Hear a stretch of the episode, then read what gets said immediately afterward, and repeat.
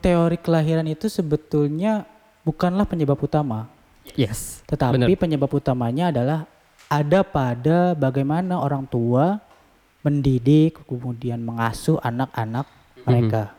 Kayak gitu. Nah, ntar gue mau nambah ini. Karena memang teori ini belum final, masih banyak pertentangan atau eh, pertambahan teori-teori yang lainnya tentang urutan kelahiran ini. Tapi dipastikan ini sangat berpengaruh. Ya, soal orang tua itu. Ya artinya masih terbuka kemungkinan bahwa teori ini tidak tidak sampai di situ ya. Yes. Artinya masih ada kemungkinan ke depan penelitian yang boleh jadi memberikan satu penjelasan bahwa kelahiran bukanlah satu faktor yang kuat Mhm. akan adanya perbedaan perilaku kepribadian terhadap Mhm. anak pertama atau anak kedua atau anak berikutnya kayak Mhm. gitu. Gue meyakini itu sih kalau misalkan Oke. berdasarkan penjelasan lu tadi terhadap Mhm. apa tadi namanya teori Adler, teori, teori Adler itu. Tapi gue emang sepakat sih. Karena yang namanya manusia dan kepribadian itu gila dinamis banget. Betul betul betul dinamis banget. Itu kita hampir gak bisa buat suatu formula yang benar-benar uh, Baku. presisi dan baku Iya. betul terhadap kepribadian seseorang anak itu didasarkan terhadap apa? Oke betul. Gue sering kali memikirkan hal ini ya terkait Mhm. dengan menjadi orang tua gitu. Oke. Kemudian bagaimana nanti ketika gue mendidik anak. Mhm. Oke, kita sampai ke tahap ini ya. Kita kita simulasi ke sini. Oke, gimana gimana? Kita coba simulasikan bahwa bagaimana nanti gue menjadi seorang orang tua kemudian mendidik anak dan menciptakan atau membantu ya lebih tepatnya sih membantu membantu anak gua untuk mencapai titik maksimalnya dia untuk tumbuh kembang seperti itu. Kayak misalnya gua mempersiapkan diri dengan berbagai macam pengetahuan, kemudian juga berbagai macam kesiapan lain seperti ekonomi dan segala macamnya. Karena jika kita kembali lagi pada teori kelahirannya Adler yang sebetulnya juga dipengaruhi oleh pola asuh orang, Orang tua. tua, Mhm. yaitu sebetulnya nanti akan menjadi satu katakanlah pijakan ya, Mhm. satu tahap-tahap untuk memperkecil, mempersempit gap Oke. yang terjadi antara anak pertama, kedua, ketiga, keempat dan atau seterusnya. Ah ini menarik. Oke. Kayak gitu. Ada tambahan? Silakan. Oke oke, menarik menarik. Karena yang yang gue rasa gap yang jauh itu hmm, berujung pada apa yang sedang kita bahas sekarang ini Iya. soal mempercayai stereotype atau bahkan itu bukan lagi stereotype tapi ya memang faktanya seperti itu gitu untuk eh, kebanyakan anak pertama gitu. Dan menarik banget kalau anak pertama, anak kedua dan yang seterusnya itu bisa dikembangkan maksimal sesuai dengan kepribadiannya dia. Iya betul. Artinya tidak ada lagi tuh menurut gue ya ketika kita Mhm, bukan tidak mungkin sempit sekali atau kecil sekali gapnya mhm. yang terjadi antara anak pertama dan anak kedua karena pernah gua baca juga ya ini juga berpengaruh pada kelahiran memang ya. Mhm. Kayak misalnya contohnya dari anak pertama itu orang tuanya yang lebih matang Oke. menghadapi kehidupan sehingga dia mempunyai contoh memandang kehidupan seperti orang tuanya sedangkan anak-anak berikutnya yaitu mencontoh yang lebih dekat pada dirinya. Mhm. Kayak misalnya Abang. anak pertama, iya. Sementara anak pertama ini juga masih belajar untuk memandang kehidupan seperti apa, menjalani seperti apa, dan masih trial and error Mhm. untuk menjalani kehidupan. Sehingga anak kedua ini kualitasnya berbeda. Yes, benar. Dengan bantuan orang tua yang memberikan pol- pola asuh atau pola pendidikan yang baik, Mhm. yang cocok, maka gap dari anak pertama hingga anak ke- dari anak pertama kemudian anak kedua dan anak seterusnya ini bisa dipersempit kayak gitu. Oke. Jadi orang tua membantu nih, membantu tumbuh kembang anak yang kedua juga Mhm. tidak hanya pada anak yang pertama. Faktor lainnya kalau misalkan kita sebagai orang tua siap secara ekonomi, tidak ada lagi tuh kesenjangan anak pertama cuman dapat eh anak pertama dapat dapat ASI full, full, aha. anak kedua dapat ASI cuman sampai berapa tahun. Yes. Itu kan bisa diselesaikan dengan kondisi ekonomi yang yang Matang, stabil kayak gitu kan. Menurut gue itu sih. Jadi teorinya Adler itu terkait dengan kelahiran, urutan kelahiran mempengaruhi kepribadian. Boleh dibilang iya, tapi sebetulnya faktor utamanya Yes. bukan kelahirannya itu. Masih terbuka luas Terbuka luas kemungkinan lain dan menurut gua adalah terhadap pola asuh orang, orang tua. Gitu. Gue jadi mau curhat terkait dengan Kenapa tuh?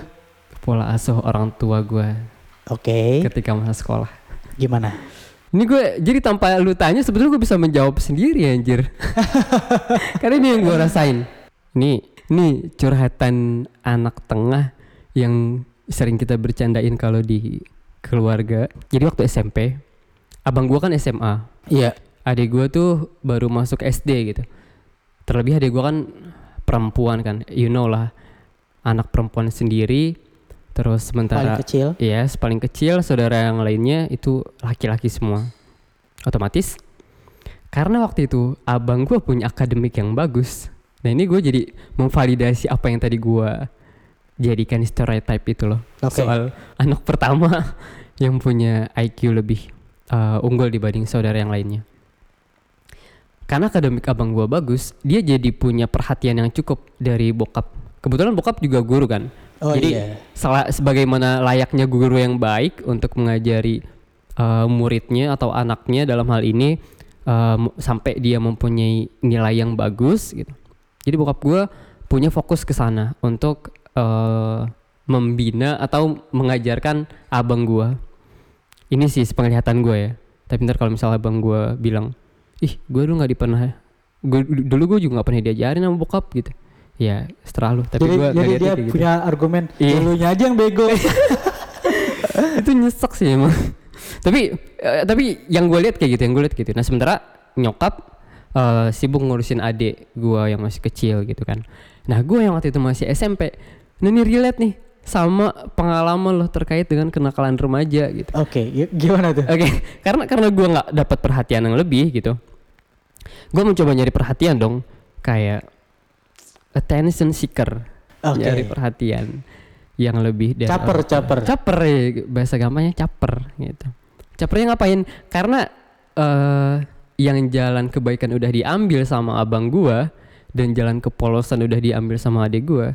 Nah, gua ngeliat ada jalan bagus nih untuk langsung dilirik sama kedua orang tua. Jalan kenakalan remaja. Kayak ya mungkin kita udah sering ngalamin lah ya kayak tawuran, vandal, dan ya beberapa kenakalan remaja lainnya yang mungkin sampai melibatkan kita hampir ke eh, urusan dengan polisi gitu-gitu lah. Kalau gua ya berurusan, Lalu berurusan. makanya gua gagal di STM. Oke. Lalu akhirnya ngaku lo. nah gua gua hampir gua baru diancam sama sama guru gua kalau misal lu masih vandal kata dia waktu itu lu gua aduin lu ke polisi gitu ya gua wajar sih karena sekolah gua kan basisnya kan Islam terpadu kan Iya betul. Buat yang tahu Aska itu latar belakangnya dari Islam terpadu dan tahu sekolahnya, cukup keep informasi ini supaya podcast dua relasi tetap berjalan. Oke? nanti nanti tiba-tiba kepala sekolah gue yang lama mengajukan surat kaleng kamu beneran mau dibui tapi ternyata itu lebih dari ekspektasi gue gue yang tadinya cuma nyari perhatian orang tua gue justru dapat perhatian dari surroundings gue dari teman-teman gue dari guru dari tetangga dari sekolah orang bahkan yang dulu gue nggak pernah ngira kalau gue bakal bisa jadi kalau misal film Dylan apa Panglima Perang Waduh. Anjing. Panglima pernah. Panglima Perang ya, wakil wakil dulu gue beberapa kali ke sekolah lain untuk ngajak ini apa Oke. namanya aliansi beraliansi untuk nyerang sekolah lain ya mungkin kita udah ngerasain hal-hal kayak gitu Iya iya. Nah, tapi ternyata itu berhasil dan akhirnya eh gue ngerasa sih kalau perhatian orang tua di di usia tumbuh kembang seperti itu benar-benar pengaruh banget dan pada saat itu juga gue eh ngerasa kalau informasi soal hubungan dengan lawan jenis itu sangat minim sekali. Jadi beberapa kali gue berhubungan dengan teman lawan jenis lewat SMS-an gitu kandas karena ya salah satunya yang paling yang punya pengaruh kuat kan orang tua Mm. dihentikan dengan orang tua nah yang gua garis bawahi adalah gue nggak dapat edukasi seksual di situ Oke. atau ya Karena terjadinya pembatasan itu jenis. ya. karena terjadinya pembahasan itu dan lebih spesifik karena pola asuh yang berbeda Ah, Gitu. betul betul betul. Yes. itu unek-unek gue terhadap kalian Hmm, my dad my mom I'm sorry Tunggu tunggu deh. Gue jadi ke trigger lagi untuk ngebahas tentang Hmm, tadi ya. parenting No no no. oh bukan Anak pertama itu cenderung lebih dominan ya kalau nggak salah bilang. Jadi Hmm. seperti bosi. emosi Dan itu terjadi juga di anak kedua.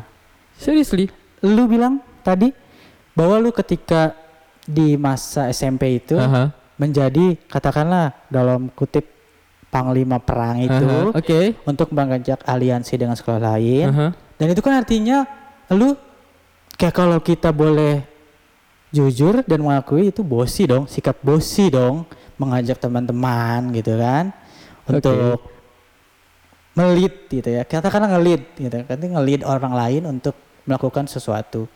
Dan itu argumen pertama lu terhadap stereotip anak pertama kalau kita-kita ini terkesan seperti bosi ya. Buktinya anak kedua juga bisa bosi gitu. Dan faktornya adalah again bukan kelahiran, oke tapi tadi pola asuh orang tua bukan mau menyalahkan pola I know, asuh orang know. tua. Tapi kita mencoba kira-kira nanti eh, kalau kita punya anak baiknya seperti apa ya? Hmm, oke Gue rasa orang tua orang tua juga kalau misalnya mendengar pembahasan ini akan mencoba mengerti dengan lapang dengan Yes. pikiran yang terbuka bahwa ini bukan satu bentuk konfrontasi antara anak dengan orang tua, tapi bentuk evaluasi pribadi Yes, supaya ke depan menjadi eh, hal yang lebih baik. Gitu sih. Ah, ini sebelum gue menjawab, gue punya, gue pernah dengar kalimat atau gue pernah baca kalimat yang bagus soal parenting atau terhadap hubungan terhadap orang tua dengan anak.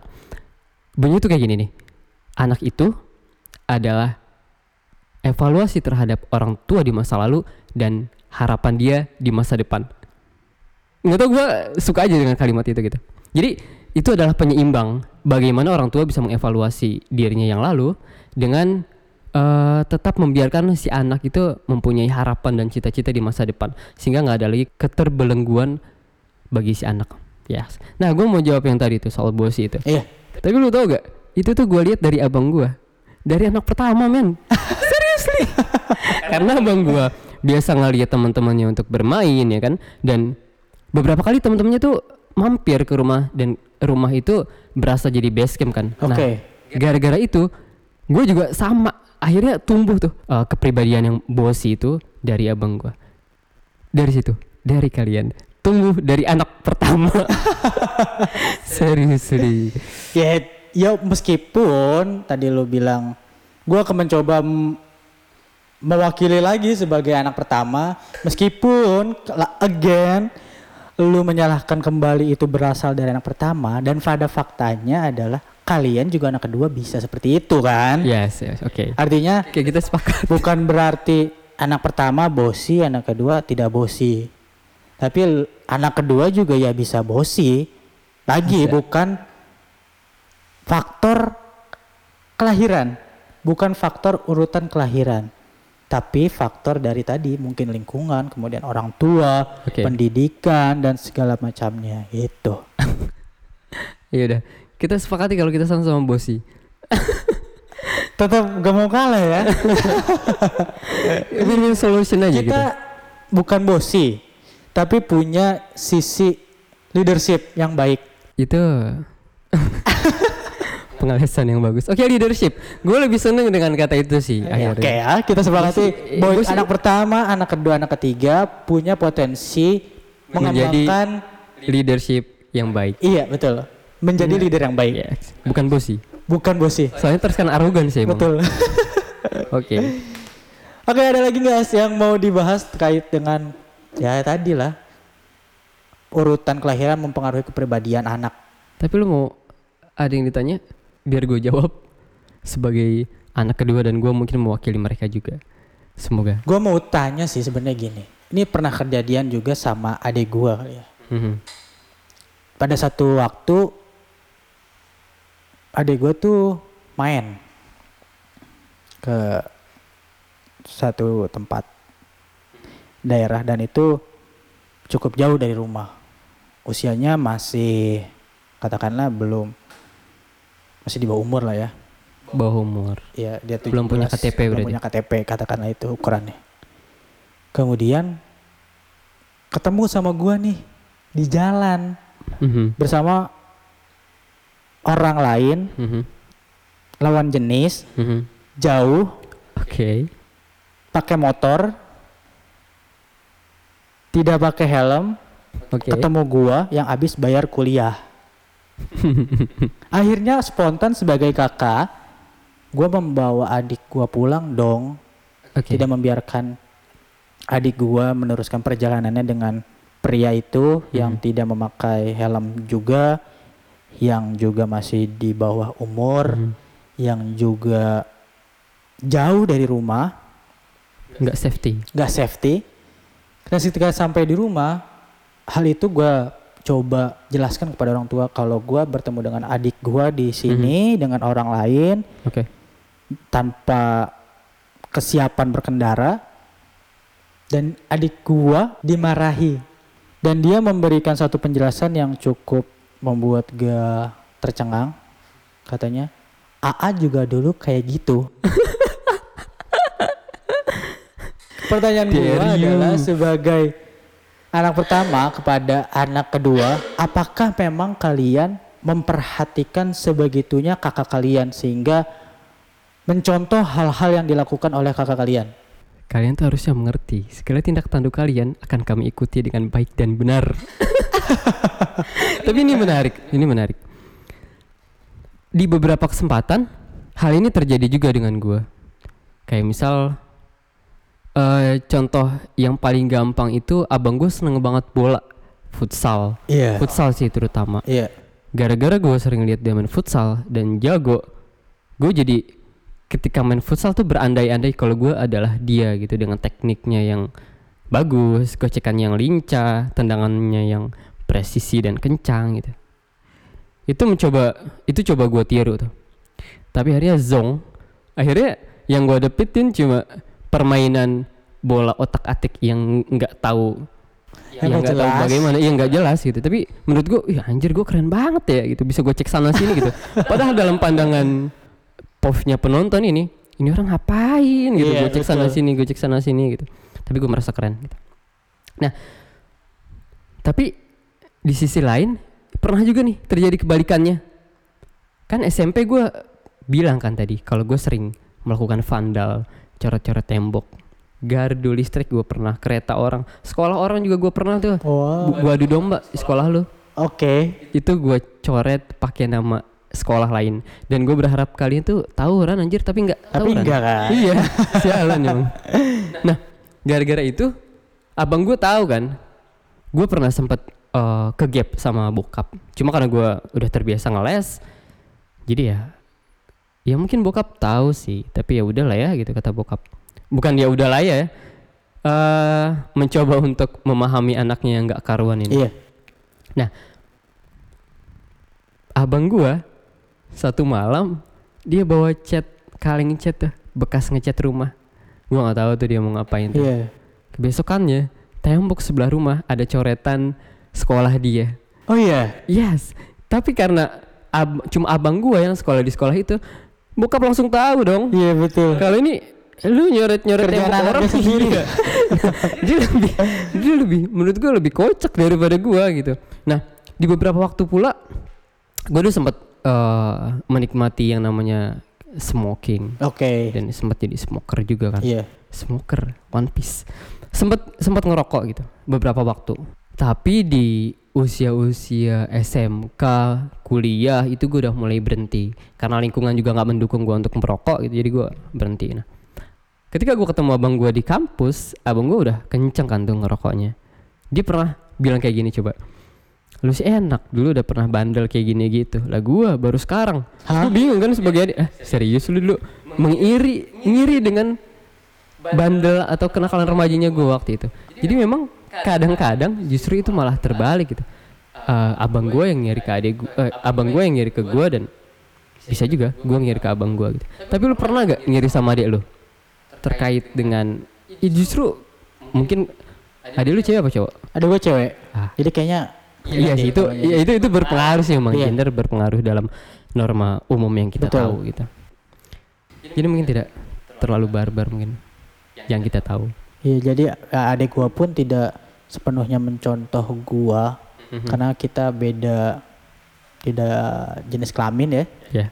Dia perempuan, gua laki-laki. Mhm. Jadi yang beberapa hal yang bisa dia contoh ya dicontoh kayak gitu. Oke. Nah, ngomong-ngomong, gua tuh kan lebih prefer disebut sebagai anak tengah dibanding anak kedua. Heeh. Especially anak tengah gitu. Kadang-kadang juga merasa spesial. Lu pernah dengar sindrom anak tengah atau anak kedua? Nah, itu juga bahkan dijadiin nama sindrom. Oh iya. Yes. Karena tadi salah satu yang mendasarinya adalah anak tengah yang selalu ingin berbeda dari abangnya. Karena dia tahu abangnya itu udah beralih lebih kencang dan bokap nyokap memperhatikan itu dong dan mencoba membandingkan. Ini juga yang mungkin terjadi. Lu pernah gak ngerasa adik lu dibandingin sama lu? Kalau itu pernah Pernah? dan gue juga merasa tidak nyaman sebetulnya untuk merasa dibandingkan dengan Aha. adik gua gitu. Dengan lu yang posisi lebih tinggi daripada Iya adik betul. lu. Yes. Lu beda berapa tahun? Berapa ya? Waduh, gua nggak ingat lagi. Adik gua Sumpah. baru masuk kuliah. Baru masuk kuliah. Ya gua mestinya lulus kuliah 2019. Beda berapa tuh? 5 4 5 tahun ya? 5 kayaknya. 5 tahun. Iya, 5 atau 6 tahun. Iya.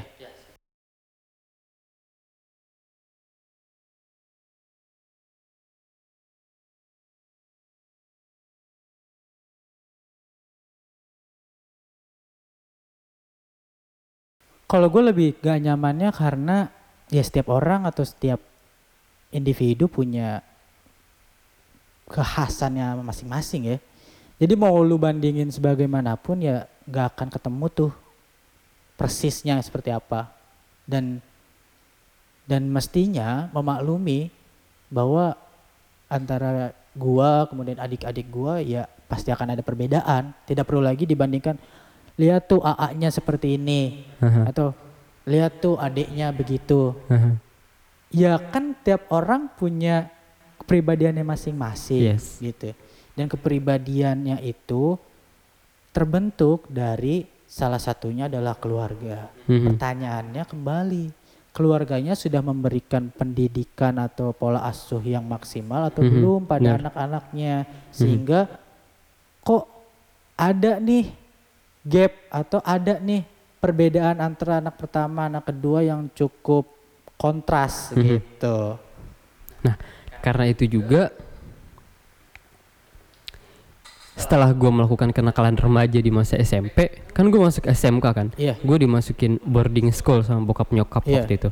Di tahun pertama gue masih baik-baik aja, yang mungkin sering kabur ya, biasa anak pesantren gitu kan, semi pesantren sebetulnya, sering kabur karena nggak betah dan segala macem, jadi hal yang biasa gitu kan. Nah, menjelang tahun kedua, gue mulai nemu nih apa yang jadi kesukaan gue gitu, karena gue ngerasa abang gue itu jago di akademik dan gue ngeliat itu gue menyadari itu gue harus punya keahlian atau kejagoan di bidang lain nih. Gue nemu waktu itu street art. Awalnya gue eh, sempat latihan beatbox sampai SMK gitu gue masih sering beatbox beberapa kali Iya. perform gitu kan terus pernah bikin kayak semacam komunitas kecil-kecilan beatbox gitu terus eh, bikin graffiti ya mural dan lain-lainnya gitu sampai akhirnya kelas 2 SMK eh gua nemu yang baru lagi soal street dance gua juga belajar dubstep dance eh Shuffle ya. shuffle jam style Iya. Break dance sedikit-sedikit waktu itu. Lah banyak lah ya, banyak ya. Pokoknya contoh-contoh kayak gitu eh, pernah gua pelajari gitu. Kelas 2 gue memutuskan buat nelpon bokap. Ya ah pengen menekunin pengen nekunin street art nih. Pengen jadi dancer atau street art performance lah atau street art artis gitu. Tapi kata bokap waktu itu wah udah nanggung udah kelas 2 dilanjutin dulu aja gitu padahal kalau misal gue spa eh, berpikir sekarang sebenarnya tuh gue tahu tuh tujuan bokap sebenarnya bukan itu Apa bukan lulusan sekolah. Tapi lu mau hidup dengan masa depan lu seperti apa? Hidup di dunia seperti itu gitu. Akhirnya gue gue mau ikhlaskan itu. Gue udah gak pernah lagi beatbox gue udah jarang uh, bikin graffiti dan olah tubuh seperti dance yang lain-lainnya gitu. Kelas 3 gue nemu baru lagi tuh kelas 3 tuh gue lagi gandrung banget sama National Geographic gue senang uh, Fotografi. fotografi wild photography atau mm, human interest Oke. Oke. Terus artikel-artikel terkait arkeologi yang dibawa sama National Geographic dan banyak hal lainnya gitu. Kelas 3 gue nelfon lagi tuh sebelum gue lulus ke bokap. Ya, kayaknya AA pengen berkarir jadi fotografer National Geographic deh. bokap bantah lagi. Nanti nggak pulang-pulang dong kalau misal kerjanya kayak gitu. Terus gue waktu itu coba ngasih alasan, tapi ah suka loh dengan dunia kayak gini gitu. Mungkin ini bisa jadi jalan yang baik karena kan kemarin eh, nggak boleh tuh jadi eh, street art artis gitu kan. Iya. Tapi itu juga akhirnya kandas lagi. Nah, poin yang pengen gue sampein adalah gue juga pengen dilihat sebagaimana abang gue dilihat. Cuma bedanya abang gue itu di bidang akademik, gue pengen dilihat di bidang skill yang gue miliki karena gue paham nih akademik gue nggak bagus-bagus amat, Iya. malah cenderung bobrok meskipun gue juga pernah ranking Oke. waktu SD Betul. SMP goblok sebenarnya goblok SMK gue bukan sempet bener. berarti kita goblok sebenarnya. iya sih Karena kita tidak memaksimalkan potensi yang ada. bener dan lagi asik-asiknya untuk mencoba hal yang baru sebetulnya Iya. mungkin kita ngeliat dulu kenakalan remaja lebih menarik kali ya dibanding belajar Untuk gua mungkin iya tapi mungkin untuk beberapa orang lain tidak ya. Karena kita tidak bisa mengiyakan hal itu. Khawatir ada pendengar yang di bawah umur yang masih sekolah oke katakan Mhm. menjadi terinspirasi pada hal itu gitu. Karena itu akan menjadi tanggung jawab moral yang ah sih gue sampai lupa bagian itu iya, itu hanya bagian perjalanan eh, katakan perjalanan perjalanan. yang seharusnya menjadi pelajaran Untuk sekarang harusnya kenapa dulu tidak memaksimalkan di Iya, benar, benar, benar, gitu benar. kan. Mungkin teman-teman yang dengar masih sekolah sekolah Haha. kan, baik itu SD, SMP atau SMA. pasti denger podcast Anak Goks. sekarang udah main HP as. Ya boleh jadi seperti kita mencontoh atau seperti lu mencontoh abang lu main bola dengan konsep yang sama dengan konsep yang sama, Haha. Adiknya dengerin kakaknya dengerin podcast. Oke Jadi tahu nih informasi kakaknya dengan keterbukaan informasi yang sangat luas kayak sekarang. Kayak gitu. Jadi buat teman-teman yang masih sekolah katakanlah gitu seperti itu. Hal tersebut tidak tidak baik untuk dicontoh Mhm. karena banyak sekali waktu yang terbuang yang harusnya dimanfaatkan untuk hal yang lebih produktif tapi dilewati dengan hal-hal yang katakanlah agak mengarah ke sia-sia mengarah ke sia-sia. Walaupun Atau- ada kalau kita bicara makna pasti ada makna yang pasti ada pasti makna ada maknanya gitu. tapi kalau misalnya itu mau dijadiin pelajaran ya Cukup dari jadi, orang lain aja. Hmm, kita jadi pelajaran buruk kalau kayak gitu bukan pelajaran baik Dari hal yang buruk sekalipun ada makna di Yes, dalamnya. oke Kayak gitu. gue sepakat oke Gimana? ada lagi gak soal stereotip yang mungkin mau lu bahas itu sebetulnya unek-unek anak tengah atau sindrom anak tengah yang sempat mau gua bahas tapi gua nggak tahu bahas di mana atau dengan siapa akhirnya tersampaikan Akhirnya tersampaikan hari ini. akhirnya tersampaikan eh gue cuma cuma pengen ngasih tahu sih kalau anak pertama anak kedua anak bungsu atau anak Anak berapapun keberapapun ya. seriously you're special man Betul. Setiap orang punya sisi spesialnya masing-masing. Setiap orang punya kekhasannya masing-masing. Tergantung ya itu tadi gimana eh, orang tua ya mengakomodasi Mhm. kekhasan itu dan menuntun membantu anaknya untuk mencapai tingkat maksimal dari potensi yang ada kayak gitu sih Yes. Ini kalau podcast masih ada dan kita nanti beranjak dewasa Kayaknya gue akan belajar punya- pada diri gue hari ini. Oke, gue juga sama.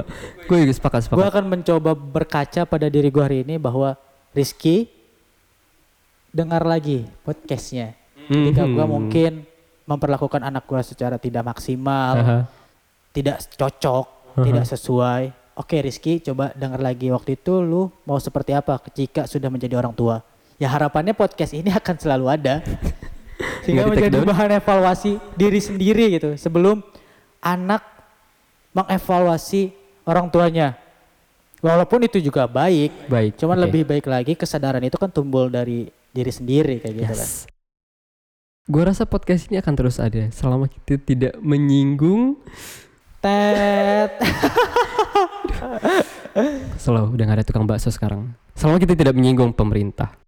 Singgung aja emang kenapa? Ntar di episode selanjutnya kita akan coba singgung-singgung sedikit. Kali ada yang menarik. Serius lu mau didatengin tukang bakso atau tukang yang lainnya? Gue pernah denger salah satunya bisa jadi tukang bak malah. Tukang bak Iya, tukang Wow. bak yang suka mentok-mentokin. bak. gembor-gemborin Itu pernah baknya. denger salah satunya jadi itu. Jadi ya sudahlah gue coba untuk mempersiapkan diri dari sekarang kali ya. Karena nggak enak juga kali kebebasan berpendapat kita dibatasi dengan tukang bakso, tukang bak. Jangan-jangan nanti bakal muncul sindrom atau traumatik yang baru terhadap tukang bakso dan tukang bak. Boleh jadi. Kayaknya kita maju ke arah kemunduran. Bagaimana tuh menjelaskannya? Nggak, nggak, ini nanti buat nanti. Lu jangan macam-macam. Oke. Ini kita Ini udah- baru episode kedua, jadi kayaknya cukup Udah, sampai di sini dulu karena terlalu jauh pembahasannya. Udah jauh sekali. Oke. Daripada kita nggak bisa lanjut ke episode 3. Jadi pada kesimpulannya adalah uh, urutan kelahiran tidak begitu signifikan terhadap kepribadian anak. Akan tetapi ya orang tua ya as. Ya, tetap ada highlightnya. Ya, Urutan kepribadian berpengaruh dengan kita bisa ngasih bold di sini betul. terhadap pendidikan orang pendidikan orang tua, kondisi lingkungan, ekonomi dan Faktor-faktor pendukung lain yang membentuk karakter seorang anak ya. exactly. Betul. Ya, itu aja di episode kali ini. Gimana? Sudah tersampaikan semua keresahan terhadap adik-adik lu? Kayaknya udah tersampaikan. Jadi buat adik-adik gua, kalau misalkan dengar kalian bisa menjadi pribadi yang lebih baik lagi, memaksimalkan potensi dan gua akan dukung. Eh, wait.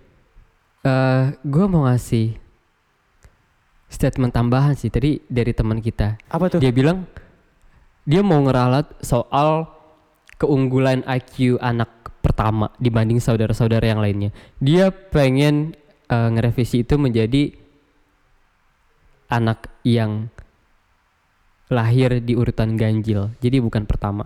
Oh, ada Bukan hanya pertama. itu ya? Yes, ada juga stereotip itu dan dia merasakan. Dan kebetulan gue juga merasakan. Kebetulan ada gue nih, yang cewek satu-satunya ini yang gue rasa sangat pemalas. Ini gue rasa meme cewek yang pagi-pagi udah harus bebenah, nyuci piring, nyuci baju, ngepel dan lain-lain itu nggak relate sama dia. Iya. Dia masih tiduran bak Ratu. putri raja. Tapi dia di pembagian rapot kemarin ranking pertama. Gue nggak tahu kenapa. Gua tidak mau menyalahkan orang lain karena takutnya jadi bumerang. Oke. Ya oke mungkin adik lu memiliki IQ yang bagus. Oke, dibanding dengan abangnya yang satu ini. Tapi gue rasa gue punya keunggulan di bagian ini deh. Bukan IQ mungkin, tapi intuisi. That's it. Anak tengah, kalian punya intuisi yang baik. Kita buktikan di episode yang akan datang. Sekian, thank you. Terima kasih telah mendengarkan unek-unek terhadap orang tua, anak tengah, dan abang kita yang satu ini. Oke, Ada lagi? Ada lagi gak? Udah. kayaknya udah sih. Ih, Tadi udah penutupan sih sebetulnya. Ini Betul. kayak David bocor. Suara bocor. Ya udah leh, kita tutup aja. Tutup. Mm, sekali lagi ya. Ya udah. Makasih udah dengar podcast dua relasi dan Tunggu episode selanjutnya.